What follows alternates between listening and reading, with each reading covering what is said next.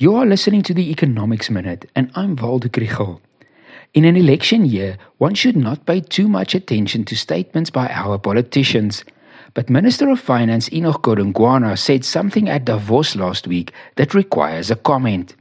He said that developing countries must change their trade patterns to de-link from the West.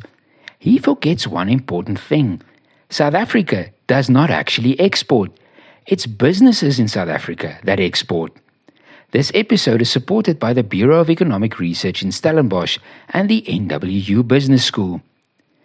You shouldn't underestimate these exporters. The type of firm that exports is usually larger, older, and much more productive than its non exporting counterpart. The minister need not worry because they are watching the market and they understand diversification. The export deals that they have right now are the best, most profitable contracts they can get. They also realize that although on paper there are many opportunities in India or Indonesia or Nigeria, they require work and extra costs. They have already overcome major obstacles to export to the West.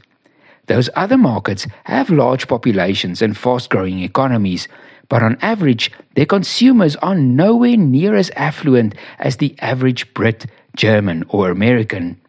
We export Mercedes, BMW, and our best wine, and the West is a large, rich market segment. If the minister wants to do something to diversify our trade risks, he should much rather put pressure on his colleagues to implement reforms that will lower the cost of doing business.